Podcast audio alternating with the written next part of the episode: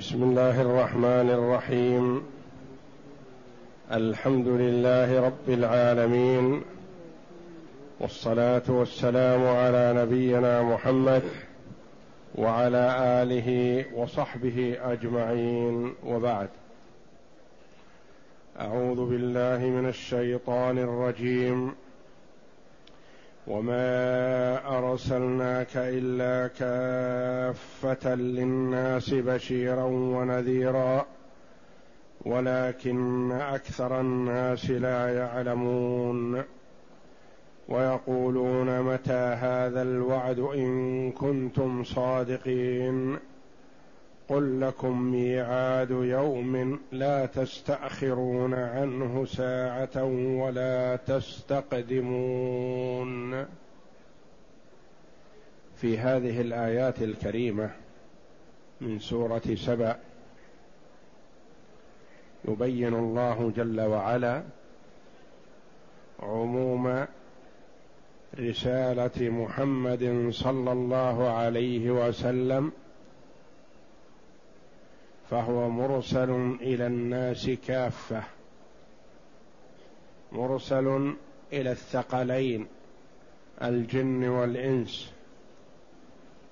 مرسل إلى الأحمر والأسود صلوات الله وسلامه عليه. وهذه مما ميزه الله جل وعلا بها عن سائر الأنبياء. فقد قال عبد الله بن عباس رضي الله عنهما إن الله فضل محمدا صلى الله عليه وسلم على أهل السماء والأرض على أهل السماء وعلى الأنبياء. قالوا يا ابن عباس فيما فضله الله على الأنبياء. قال إن الله قال وما أرسلنا من رسول إلا بلسان قومه ليبين لهم. وقال للنبي صلى الله عليه وسلم وما أرسلناك إلا كافة للناس. فأرسله الله إلى الجن والإنس. وقد ثبت هذا في الصحيحين من حديث جابر بن عبد الله رضي الله عنهما. قال قال رسول الله صلى الله عليه وسلم أعطيت خمسا لم يعطهن أحد من الأنبياء قبلي. أي ميز صلى الله عليه وسلم بخمس لم تحصل لأحد من الأنبياء قبله صلوات الله وسلامه عليهم أجمعين. نصرت بالرعب مسيرة شهر.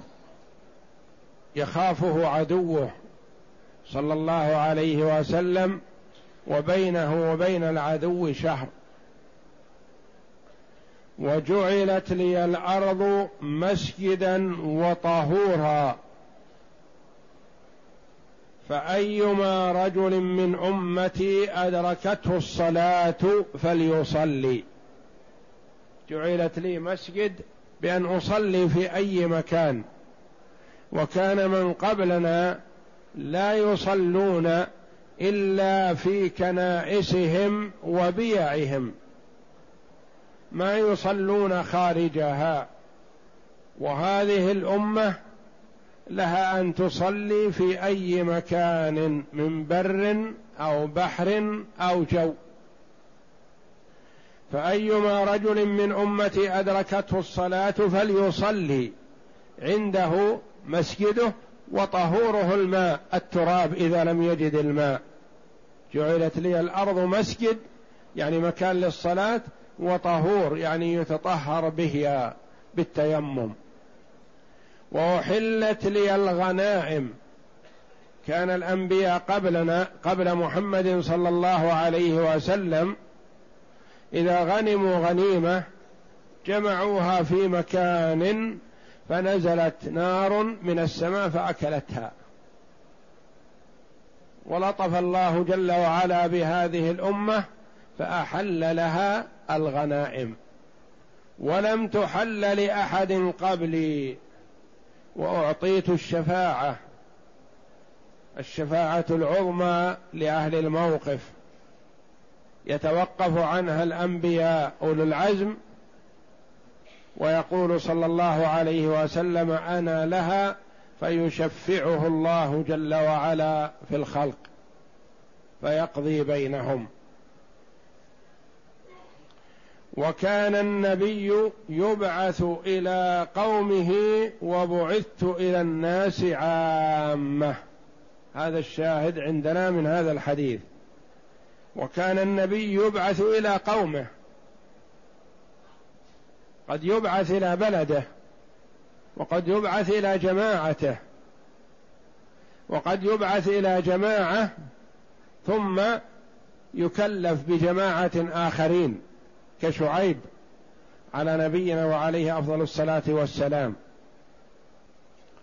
وبعثت إلى الناس عامة إلى جميع الناس المكلفين الجن والإنس. وعموم رسالته صلى الله عليه وسلم في آيات كثيرة من القرآن كما في قوله جل وعلا قل يا أيها الناس إني رسول الله إليكم جميعا وقال جل وعلا تبارك الذي نزل الفرقان على عبده ليكون للعالمين نذيرا. وما أرسلناك إلا كافة للناس.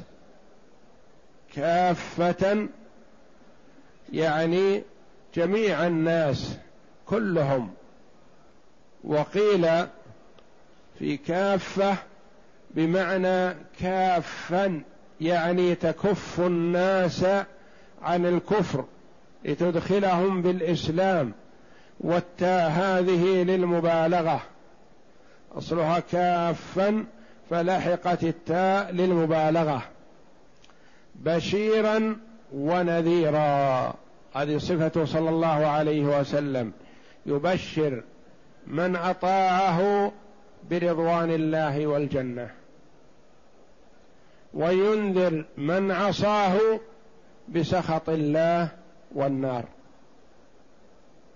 فالبشارة الإخبار بالخبر الذي يسر والنذارة التخويف من جزاء وعقوبة تضر. ولكن أكثر الناس لا يعلمون. الكثير من الناس على الجهالة وعلى الضلاله كما قال الله جل وعلا وما أكثر الناس ولو حرصت بمؤمنين. وقال جل وعلا وان تطع أكثر من في الأرض يضلوك عن سبيل الله. وقال ها هنا ولكن أكثر الناس لا يعلمون. لا يعلمون ما ينفعهم فيفعلونه ولا يعلمون ما يضرهم فيتركونه ويجتنبونه. ولكن أكثر الناس لا يعلمون. قد يقول قائل كثير من الناس من الكفار عندهم علم كاليهود مثلا عندهم علم لم يعملوا به. نقول لا يخلو هذا العلم إن كان من علم الدنيا فقط فلا ينفع في الآخرة. وإن كان من علم الآخرة ولم يعمل به المرء فوجوده كعدمه لا فائدة فيه. ولهذا غضب الله جل وعلا على اليهود وعندهم العلم لأنهم لم يعملوا بعلمهم.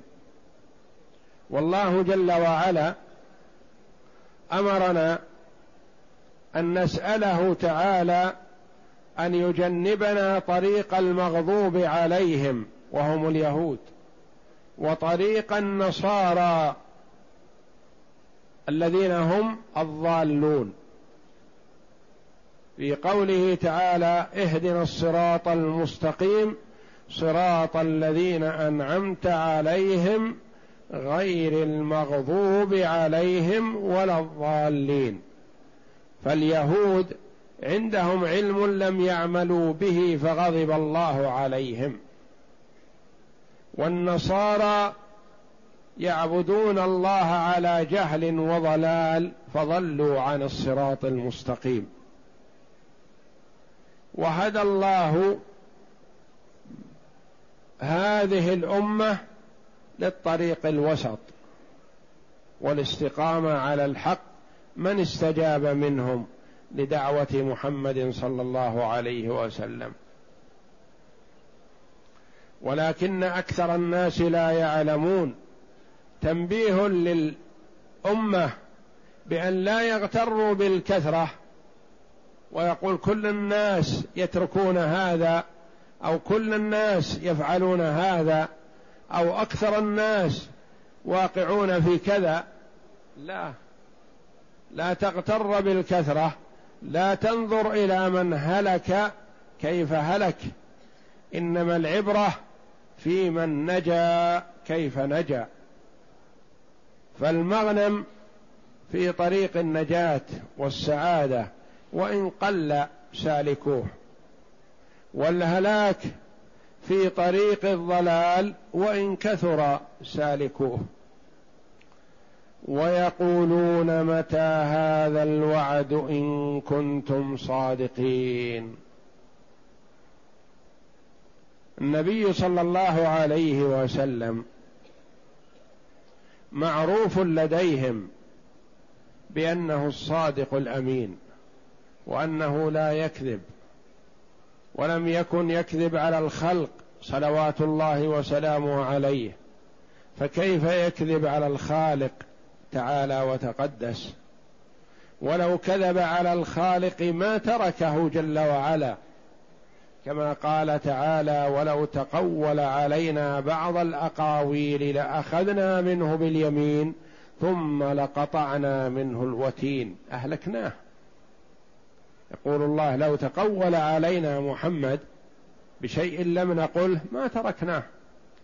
فهو معروف عندهم بانه الصادق الامين. وهو عليه الصلاه والسلام ينذرهم يخوفهم بالنار.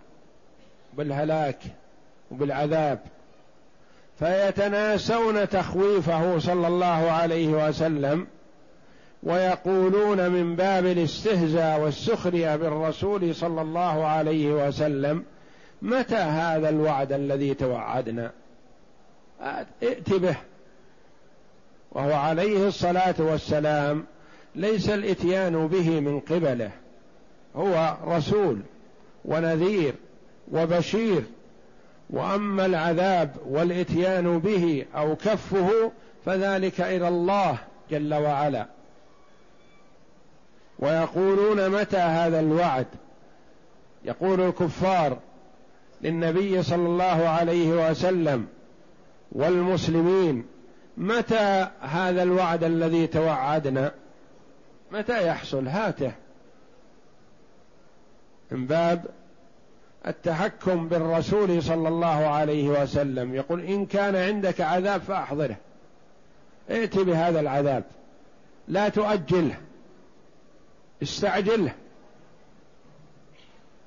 قال الله جل وعلا قل قل يا محمد لكم ميعاد يوم. لكم يوم محدد للعذاب. قضاه الله جل وعلا ازلا. لا يتقدم ولا يتأخر. لكم ميعاد يوم لا تستأخرون عنه ساعة ولا تستقدمون. ما المراد بهذا اليوم؟ قيل المراد به يوم القيامة. يوم القيامة يوم محدد. لا يعلم متى يأتي إلا الله سبحانه وتعالى. وقيل المراد بهذا اليوم يوم موت كل واحد منهم. الله جل وعلا يعلم متى يموت كل واحد منهم وهم لا يدرون. أي يوم العذاب يوم موتهم. لأن من مات فقد قامت قيامته. ومن مات انتقل من الدنيا إلى دار البرزخ التي هي أول منزل من منازل الآخرة. فالكافر معذب في قبره. وإن أكلته السباع وإن رمي في البحر وإن نسف في الهواء فهو معذب في قبره. سواء قبر أو لم يقبر. قول ثالث لبعض المفسرين المراد بهذا اليوم يوم بدر. لأن الله جل وعلا قضى بهلاك صناديد قريش يوم بدر. يعلمه جل وعلا قبل أن يقع. وهم لا يدرون. يقول وعدكم قريب. خرجوا لبدر في زعمهم أنهم يقضون على محمد صلى الله عليه وسلم ومن معه وهم أكلة جزور. يعني ما يحتاجون إلى قوة ولا إلى شيء من الاستعداد لأنهم ضعاف فقراء قليل عددهم ضعيفة عدتهم. وخرج كفار قريش بخيلهم وخيلائهم وجبروتهم يشربون الخمر وتغنيهم القينات ويتكبرون ويعثون في الأرض فسادا. فكان ذلك اليوم يوم قتلهم يوم القضاء عليهم ممن استقلوهم. قل لكم ميعاد يوم الذي هو يوم بدر. قيل يوم القيامة وقيل يوم الموت وقيل يوم بدر ولا منافاة بينها لأن كلها يوم بدر هو يوم موتهم ومنه ينتقلون إلى الدار الآخرة ومن مات فقد قامت قيامته. قل لكم ميعاد يوم لا تستأخرون عنه. قدم الاستئخار لأنهم قد يطلبونه ويحرصون عليه. لا يحصل لكم تأخير. إذا جاء الموت وإن طلب المرء الرجعة طلب الإمهال طلب التريث قليلا لا يحصل له لا يتأخر عنه ولا لحظة. وقد ورد ما بخس مرء زكاة ماله وترك الحج إلا سأل الرجعة عند الموت. حتى يتصدق ويحج لكن لا يحصل له ذلك. لا تستأخرون عنه ساعة يعني وقت يسير من الزمن. وليس المراد الساعة ستون دقيقة. لا تستأخرون عنه شيئا من الزمن. ولا تستقدمون. لو استعجلتم العذاب والله جل وعلا قد قدره في وقت محدد لن يعجل. ولن يأتيكم إلا في وقته المحدد. حتى لو استعجلتموه لو تمنيتم وقوعه. كما قال قائلهم اللهم إن كان هذا هو الحق من عندك فأمطر علينا حجارة من السماء أو ائتنا بعذاب أليم. هذا هو الحق.